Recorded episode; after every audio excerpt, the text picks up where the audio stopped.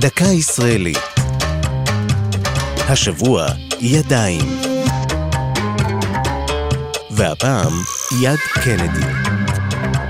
על ראש הר גבוה ביער עמינדב, סמוך לירושלים, מתנוסס מבנה המזכיר במראהו גזע עץ כרות, עצום בממדיו. את המבנה תכננו האדריכל דוד רזניג והפסל דוב פייגין. צורתו הייחודית מסמלת את גדיעת חייו הפתאומית של נשיא ארצות הברית, ג'ון פיטסג'רלד קנדי, בהיותו בן 46 בלבד. הגזע מורכב מ-51 עמודי בטון, כל אחד בגובה כשבעה מטרים, המסמלים את מדינות ארצות הברית. עמודים אלו מקיפים אולם גדול, שבמרכזו דולק נר זיכרון, והוא נועד להזכיר את אש התמיד, הבוערת סמוך לקברו של קנדי, ליד וושינגטון.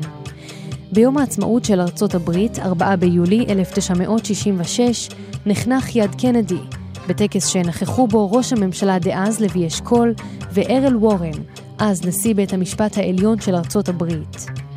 האתר מציין את תחילת הדרך הנופית המרהיבה לאורכו של רכס סלמון סורק בנחל סורק ונחל רפאים ממערב לירושלים. זו הייתה דקה ישראלית על ידיים ויד קנדי. כתבה עופרי לוז, ייעוץ הפרופסור מעוז עזריהו, ייעוץ לשוני הדוקטור אבשלום קור.